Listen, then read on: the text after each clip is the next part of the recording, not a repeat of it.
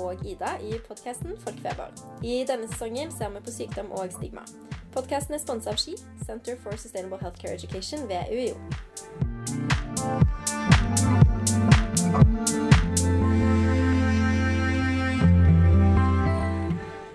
Hei og hjertelig velkommen til denne episoden av Folkfeber.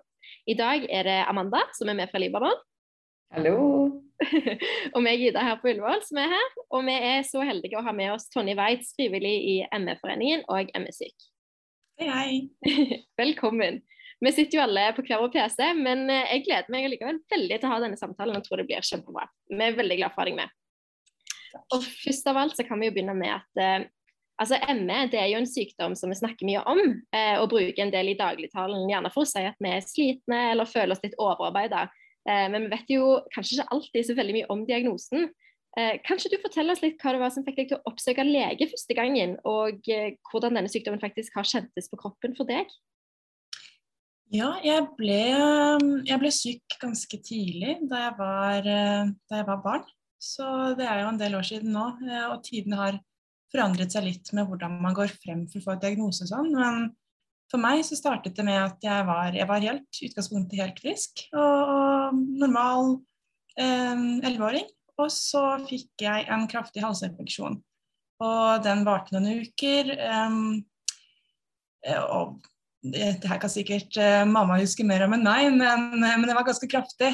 Og da den til slutt endelig ga seg, så, så, ble jeg bare ikke bedre ellers. altså Infeksjonen var over og de symptomene var borte, men jeg, jeg kom meg liksom ikke helt. Jeg ble, ble fremdeles veldig fort utmattet. Jeg klarte ikke å konsentrere meg.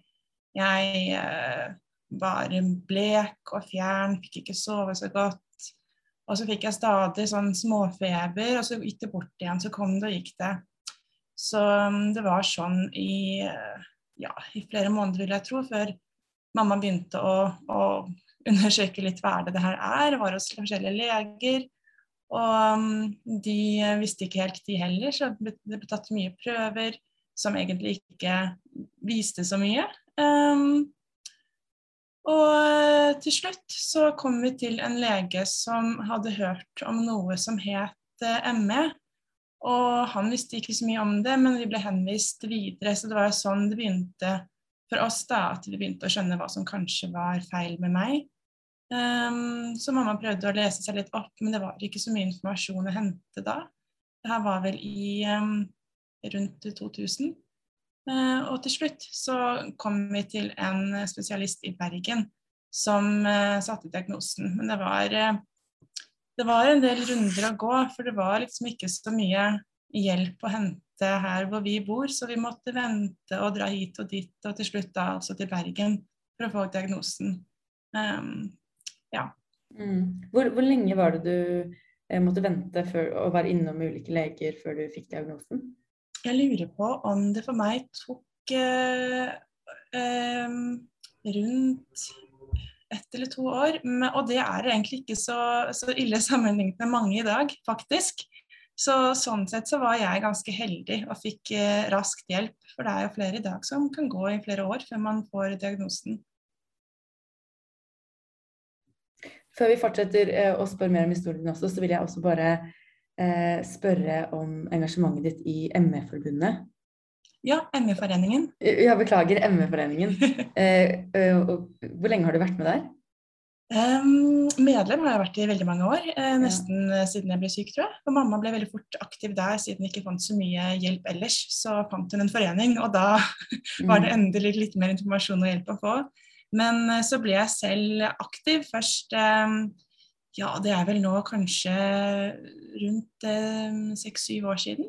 Jeg begynte mm. først med å, å, overta en sånn støttegruppe for unge voksne med ME i området her jeg bor, hvor, man, eh, hvor vi har månedlige treff og rett og slett bare møter andre som er i samme situasjon. Og det var, eh, det var egentlig en litt game changer for meg, altså. Fordi eh, selv om jeg da hadde vært syk i eh, over ti år, så slet jeg veldig med den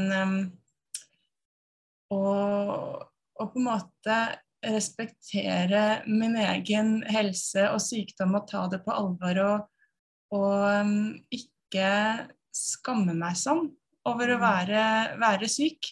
Og så endelig møtte jeg andre som var på min alder og min situasjon, som også var syke, og som var eh, skikkelig ålreite, fine folk. Og så tenkte jeg plutselig at oi, men de er jo syke, og jeg syns ikke de er uh, teite eller noe som helst av den grunn, så kanskje jeg skal også gi meg selv tillatelse til å kunne være litt mer synlig syk og ikke tenke at det nødvendigvis blir så mye stigma av den grunn. Så det, det var eh, det var et sånn vendepunkt for min del. Eh, og så etter det så begynte jeg å jobbe frivillig i eh, lokalstyret i foreningen, og der sitter jeg fremdeles.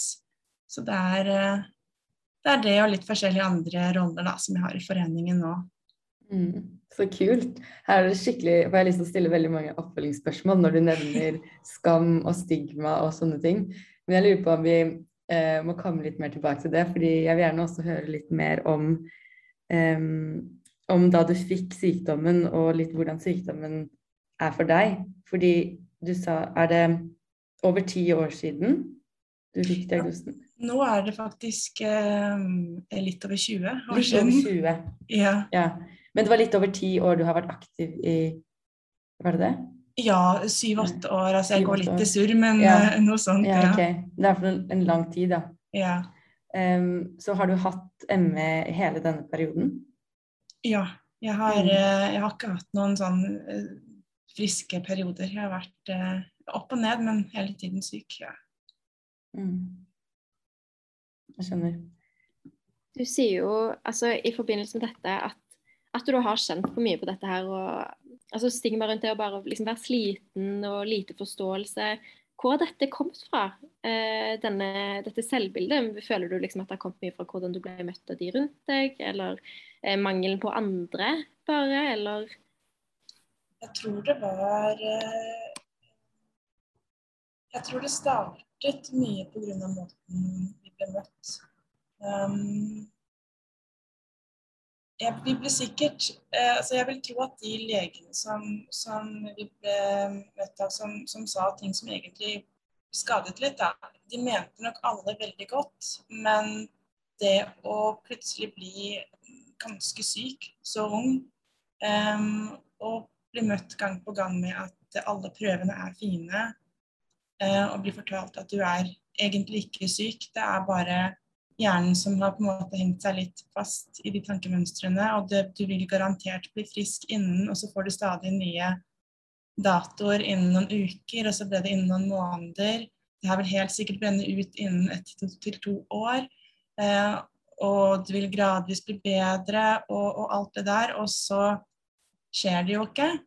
Eh, og man føler seg veldig syk, men det er på en måte ingen, det er ingen fysiske prøver som kan bekrefte det. Så det blir bare eh, deg selv som en 11-12-13-åring som må på en måte sitte der og bære hele ansvaret for å forklare de rundt og legen og helsepersonell hvordan man føler seg. Og det er et veldig, veldig stort og tungt ansvar å bære for en som er så ung. Um, og, og, det kan man jo si at gjelder de fleste sykdommer, men mange sykdommer så er det mye mer informasjon og, og, grunnleggende forståelse, slik at man ikke må starte helt på scratch da, med å forklare alt sammen. Um, og den luksusen hadde ikke jeg da jeg ble syk. Ja, det at jeg måtte bære det ansvaret, og at det var så lite informasjon, uh, var, uh, var, veldig vanskelig. Og um, vi i familien skjønte jo heller ikke helt alt fra starten av, og, jeg selv skjønte jo ikke alt helt fra starten av, så jeg tvilte jo masse på meg selv òg. Jeg brukte veldig, veldig mange år faktisk på å slutte å tvile på meg selv. Eh, etter å ha vært syk eh, selv i seks, sju, åtte år, så tenkte jeg fremdeles innimellom Tenk om jeg ikke er syk? Tenk om jeg bare er lat? I fullt alvor tenkte jeg det. Um, og det selvfølgelig gjør veldig mye skade. Skaper masse skam. Uh, og det var så klart vanskelig å forstå at en uh, som uh, Jeg var jo en, en normalt glad, aktiv ung jente. Og jeg hadde jo gode dager. For ofte i starten av sykdomsforløpet så har man mye mer opp og ned. Ikke alle, men ofte så har man det.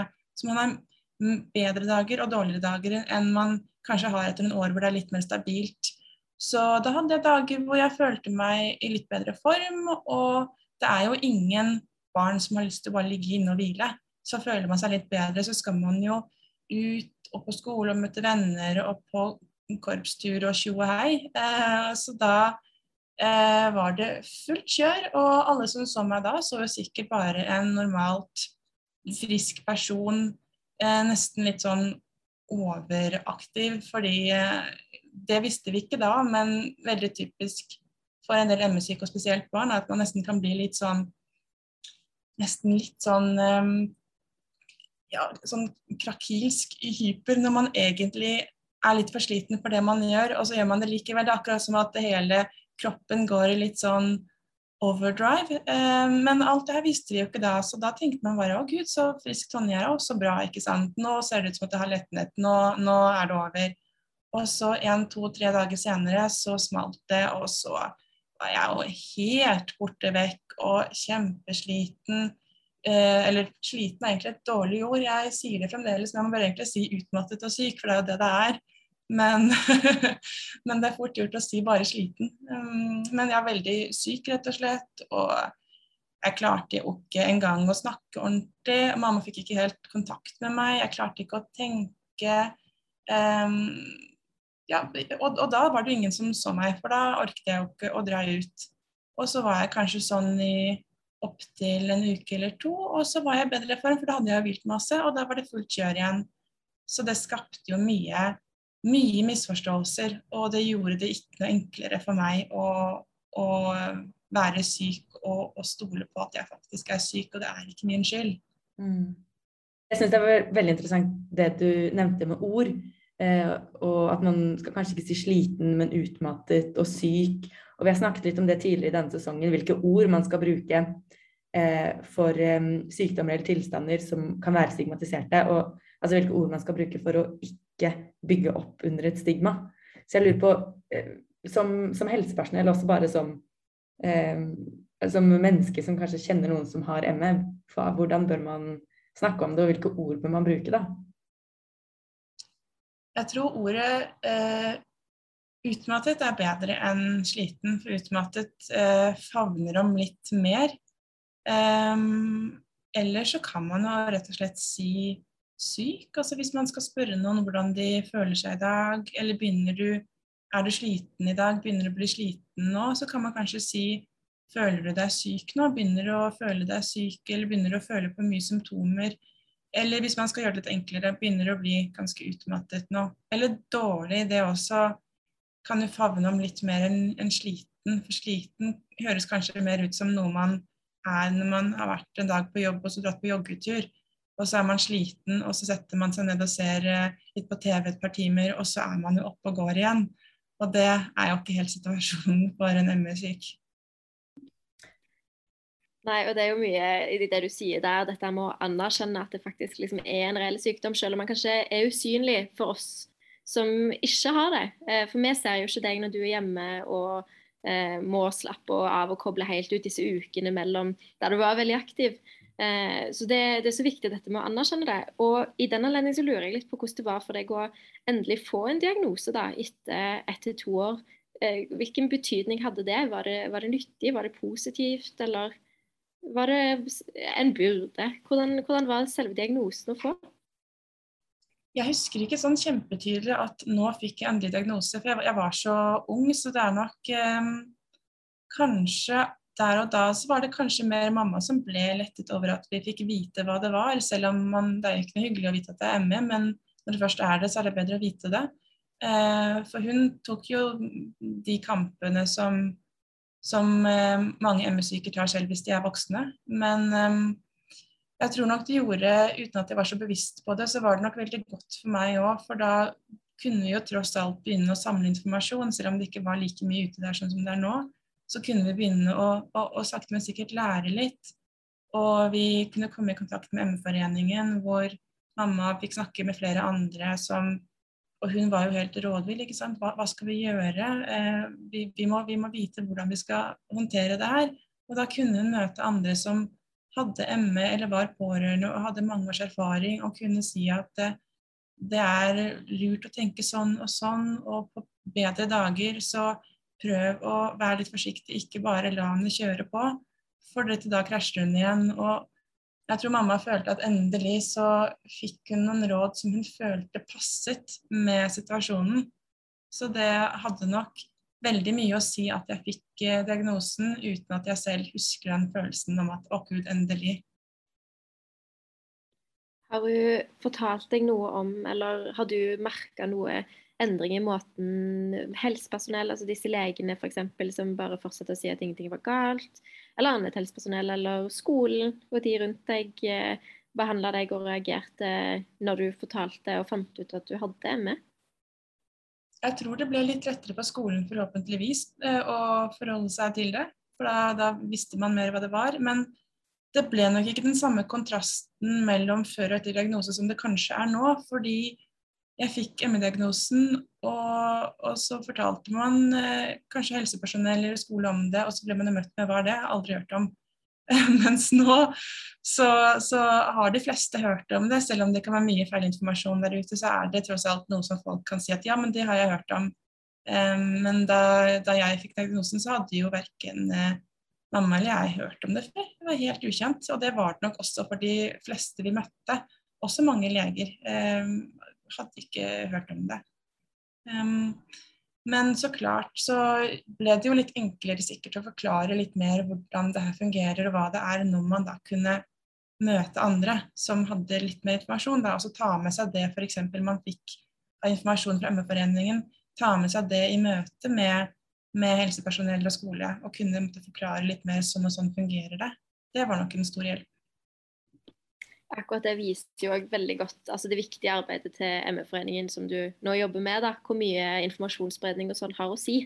Eh, og, og, hvilken betydning det kan ha både for, for egen opplevelse av sykdommen, som du sier, men òg for stigma og, og, de begrepene man blir møtt med i samfunnet. da. Mm. Det er jo i hvert fall veldig fint å høre at det, det har gått den veien. Ja, absolutt. Det går fremover, det gjør det. Selv om man gjerne syns det skal gå litt fortere enn det det gjør, så går det fremover. Mm. Jeg lurer på, eh, Hvis jeg forstår deg rett, så virker det som at da du fortalte folk om diagnosen, så var det mange som stilte spørsmål. Men jeg, jeg lurer også på eh, hva slags reaksjoner du fikk. Opplevde du Du nevnte i stad eh, at du, du, brukte tid på å tenke at kanskje du egentlig ikke var syk, kanskje du var lat, sånne ting. Jeg lurer på, Opplevde du at andre rundt deg stilte lignende spørsmål til diagnosen din da du prøvde å forklare hva ME er? Ja, eh, det var flere Jeg ble møtt på den måten flere ganger. Og igjen, det er jo ikke fordi folk ønsker meg noe vondt. Eh, det var jo fordi det var vanskelig å forstå, og jeg klarte ikke å forklare, for jeg visste ikke helt selv. Og, og folk hadde ikke den eh, kunnskapen i det hele tatt. Så jeg husker flere sånne liksom vonde møter i, på familieselskaper eller med venner som hvor, hvor, det ble stilt spørsmål om ja, men hvorfor, du må jo orke det her, for du orket jo det i går, eller er det ikke litt rart at du ikke orker å komme på skolen når det er eh, klassetimer, men du kommer i storefri, vil du bare være med på det morsomme? Eh, og sånne spørsmål som, som jeg kan jo forstå at, at, man kanskje stiller de spørsmålene fordi man ikke helt skjønner, men eh, Så jeg vil ikke rette noen pekefinger og si at noen gjorde noe fælt, men det var veldig, veldig, veldig skadelig for meg å få, å få de møtene, for det, eller bli møtt på den, den, måten. Eh, for det bygget jo bare enda mer på det jeg allerede hadde begynt å bygge på selv, med den der skamfølelsen rundt å være syk, følelsen av å være litt skyld i det selv, tvilen om det egentlig var noe reelt, ikke sant. Tenk om jeg egentlig nå er blitt frisk, og så bare er jeg blitt så vant til å være syk, så jeg har ikke skjønt det selv. Um, så eh, det var veldig godt da jeg ble eldre, og sikkert bare i seg selv det å bli eldre, det hjelper. Også møtte flere andre med ME og liksom fikk litt mer trygghet i meg selv. Det å lære meg at eh, nei, det er ikke min skyld, og nei, det er ikke noe jeg innbiller meg, jeg er ikke lat. Eh, for når jeg har plutselig bedre dager og bedre perioder, så er jo plutselig den gamle meg helt tilbake. Så det er jo bare de dagene jeg er helt borte vekk, kommer ikke på noe å si, jeg er kanskje med venner og bare føler at jeg er kjempekjedelig, for jeg orker ikke å tenke eller snakke eller eh, har ikke lyst til å gjøre noe, eller kanskje jeg til og med ser på en, en serie jeg egentlig syns er morsom, og så syns jeg ikke det er morsomt. Jeg er bare helt sånn, Man blir litt sånn flat når man er veldig dårlig. Og så har jeg klart nå å komme dit hvor jeg ikke lenger tenker å herregud, er jeg egentlig bare en kjedelig person? Er jeg egentlig bare lat? Ikke sant? Nå har jeg lært meg å tenke at å ja, nå er jeg dårlig. Det er rett og slett bare det der. Nå er jeg i dårlig form. Jeg er for dårlig til å orke å være her med venner. Jeg er for dårlig egentlig til å se en serie. Nå må jeg bare legge meg ned og hvile, og så håpe at jeg blir bedre om en dag eller to. Og når jeg da blir det, så er alt det som egentlig var gøy, og morsomt og interessant, det er gøy og morsomt og interessant igjen. For da har jeg energien og formen tilbake. Så jeg har lært seg å kjenne igjen de mønstrene istedenfor å tenke at uh, det kommer innenfra, da, fra meg selv. Tenke at det her er bare sykdommen, og så nå er jeg bare dårlig. Det, den, den lille aha-opplevelsen der, den har gjort utrolig mye for både mestringen av sykdommen og bare trivselen, altså livs, livstrivselen i hverdagen. Det er skikkelig fint å høre. Er, jeg har aldri hørt noen fortelle om ME på den måten før. Eh, hvordan de ja, klarer å mestre det sånn som de gjør. Så det er skikkelig fint å høre. Og jeg lurer også på, eh, siden du som har hatt ME eh, så lenge, jeg lurer på om du har merket at eh, det har endret seg mye. Det har du jo vært litt inne på, at det var lite kunnskap før. Men disse denne mangelen på kunnskap og disse reaksjonene om folk som ikke skjønte hva ME var, og lurte på om du bare var lat, f.eks. Uh, har det endret seg? Tror du det har blitt mindre av det nå? Ja. Eh, et litt forsiktig ja. Fordi jeg, jeg personlig føler at jeg er blitt mye bedre. Men jeg møter jo også for det meste bare min egen trygge lille boble. Hvor jeg har familie og venner som er støttende og fine og, og blir sikkert litt skjermet for mange andre møter som kanskje andre har, da, som ikke har skapt seg litt den der trygge bobla med folk som kan det så godt nå og forstår så godt. Men um, jeg føler at det er blitt bedre. Jeg um, jeg kjenner ikke like mye på lenger når jeg møter nye mennesker eh, at det er ikke like vanskelig lenger å si at jeg har ME. For det kommer jo veldig fort opp i en samtale hvor folk spør typisk 'Å ja, hva driver du med?' Og da må jeg enten bare fortelle en glatt løgn, og det vil jeg ikke. Eller så må jeg si at jeg, jeg jobber ikke fordi jeg har ME. Um, og jeg syns fremdeles det kan være vanskelig å si, for jeg kjenner fremdeles på at jeg på en måte jeg, jeg, jeg strammer musklene litt og er litt sånn klar for å måtte forsvare meg hvis det kommer noen noe sånn dumme kommentarer. Men, men, det gjør jo det svært sjeldent. Og jeg er mindre jeg er mindre engstelig når jeg forteller folk at jeg har ME nå, sammenlignet med f.eks. ti år siden.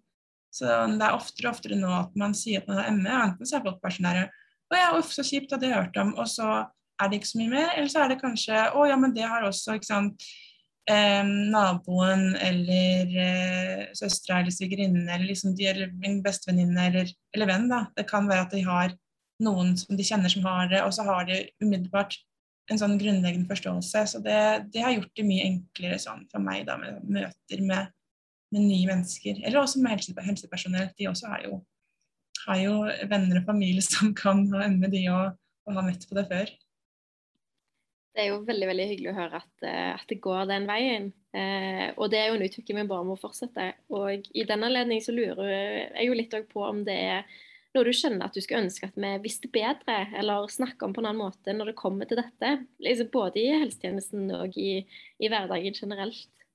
Jeg tror det er viktig å ha en sånn grunnleggende forståelse for at um, det man ser, er bare eh, toppen av isfjellet. Men det gjelder jo veldig mange sykdommer, for all del. Det er jo sjelden man egentlig helt skjønner hvordan andre har det, uten å, å, å gå i deres sko.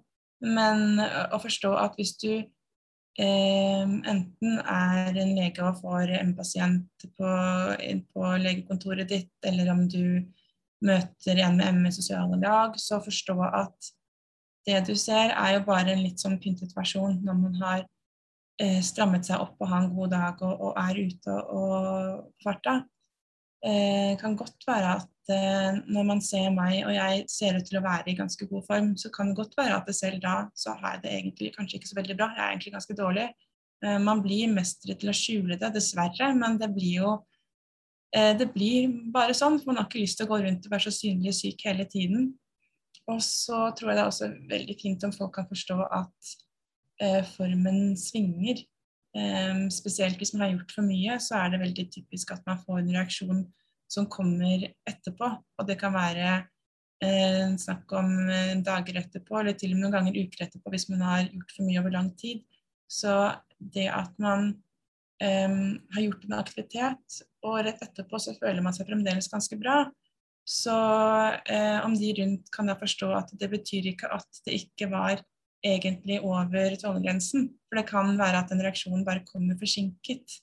Eh, og når man skjønner det, så, så, hjelper det tror jeg veldig mye for de rundt å skjønne den ME-syke litt mer. At, at eh, man ser ikke alltid konsekvensene med en gang det er veldig viktig å ha med seg. Det er så viktig å, eh, å høre fra en som har ME, eh, hva vi bør vite om ME. Mm. Så ja, jeg håper alle medisinstudenter og andre som hører på, husker disse tingene. Og jeg vil også, Nå må vi snart runde av, eh, og da passer det kanskje med et litt vanskelig spørsmål. For jeg lurer på om du husker en historie eller en eller annen gang eh, du ble møtt i helsevesenet eh, på en skikkelig dårlig måte fordi du har ME? Ja, eh, det var helt i starten. Det var etter jeg fikk diagnosen, men jeg var fremdeles ganske ung. Så eh, var jeg hos en, en lege som eh, Hvor jeg fikk mer eller mindre beskjed om at at jeg egentlig ikke var syk, at det bare var en form for stressreaksjon eller noe slikt som satt igjen i kroppen etter å, å ha vært syk. Uh, og, og, det jeg hørte, på en måte, det jeg tolket ut ifra det han sa, var at, at uh, det var ikke så farlig. Det, det, var ikke noe å være redd for det her. Um, det var bare å, å gradvis kjøre på litt og litt mer, og så ville det gå over. Og jeg trengte ikke å ta det så på alvor. og det nå skal jeg ikke si at det var det han ordrett sa, for det er så lenge siden, men det var veldig den følelsen jeg satt igjen med etterpå. Og det kan godt ha bidratt til å ha gjort at jeg ikke tok hensyn til meg selv når jeg burde det, og kjørte altfor mye på. Og hvem vet om jeg kanskje kunne unngått å bli så dårlig som det perioder ble, da om jeg fikk et helt annet råd enn det jeg fikk. Det er jo altså, utrolig kjipt å høre at du hadde den opplevelsen. Eh, og det sier jo bare igjen, altså, som du har sagt, hvor viktig det er å altså med kunnskap rundt dette og andre ting, men òg dette her med å, med å, anerkjenne, som du sier, at det man gjerne møter, er en pynta versjon av en sjøl. Eh, og at det er viktig å liksom høre og anerkjenne det, det pasienten da eventuelt forteller, og, og anerkjenne at det er det er jo flere aspekter med oss. Det må være lov å være både syk og frisk samtidig. Man må kunne stille opp og smile og fortsatt ikke skulle bli anklaga for å lyge, eller mm. Eh, ikke være så syk som han er. En annen ting som jeg tenker er eh, kjempefint å, å skjønne for å kunne bare møte ME-pasienter litt bedre, og det er det å skjønne at eh, det er store variasjoner i sykdommen. Så både i, eh, i, i, grad, altså at man kan være veldig, veldig, veldig dårlig. Søsteren min var det i mange år. Sånn sengeliggende, orker ikke, og som har lydisolert rom, kan ikke bevege armen for å klø seg på nesa. liksom sånn veldig, veldig dårlig. Eh, og så har du de som er eh, mildt rammet, eh, eller mildt rammet, den graden omfavner mye, så selv de som er mildt rammet, kan være ganske ganske dårlige og kanskje bare orke å jobbe 10% altså. Men av de som er i, i den øvre sjiktet, mildt rammet, så har du også de som orker å jobbe kanskje halv stilling. Og så har du alt imellom. Så, um, og, og, ikke tenke at uh, Nei, men ME, da er du sengeliggende, så hvis du orker å gå en liten tur to ganger i uka, eller hvis du orker å jobbe veldig sånn tilpasset, kanskje hjemme fra 10% da kan du ikke ha ME.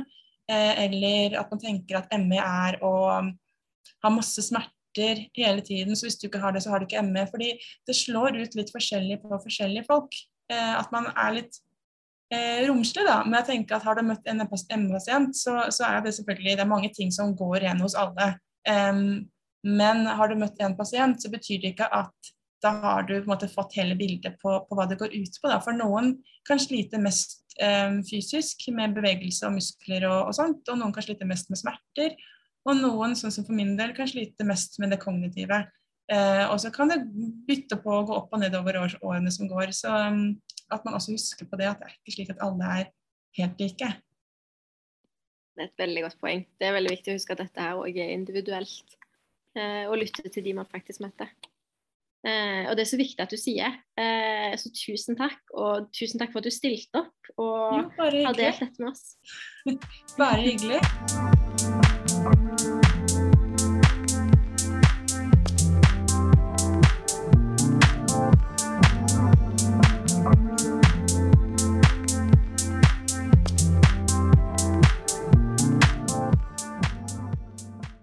Åh, det var en skikkelig sterk episode. Jeg har aldri som jeg nevnte, jeg har aldri før snakket med noen som har ME på den måten og stilt så mange spørsmål. Og det er masse, mye dere har fortalt som jeg virkelig tror jeg kommer til å tenke på.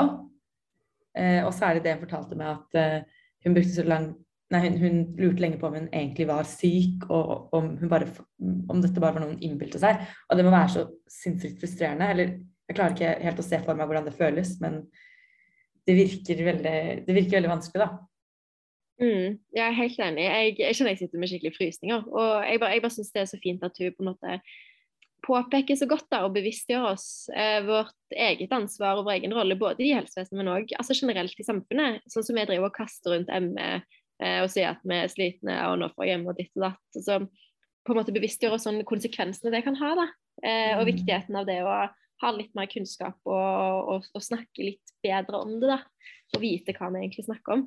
Eh, ja, sånn at man skal slippe å påføre noen andre. Det er jo ikke en enkelt persons eh, liksom. Det er ikke en enkelt person som har påført noen nødvendigvis den smerten, men det er jo viktig viktig og fint å være bevisstgjort på en måte på, på, hvilke konsekvenser det kan ha, da, og hvor mye det kan ha å si. Bare det å bruke riktige begreper og, og, og se og lytte til dem man snakker med. Absolutt. Jeg føler det var skikkelig mye å lære i denne episoden, så jeg håper lytterne også har lært noe ja.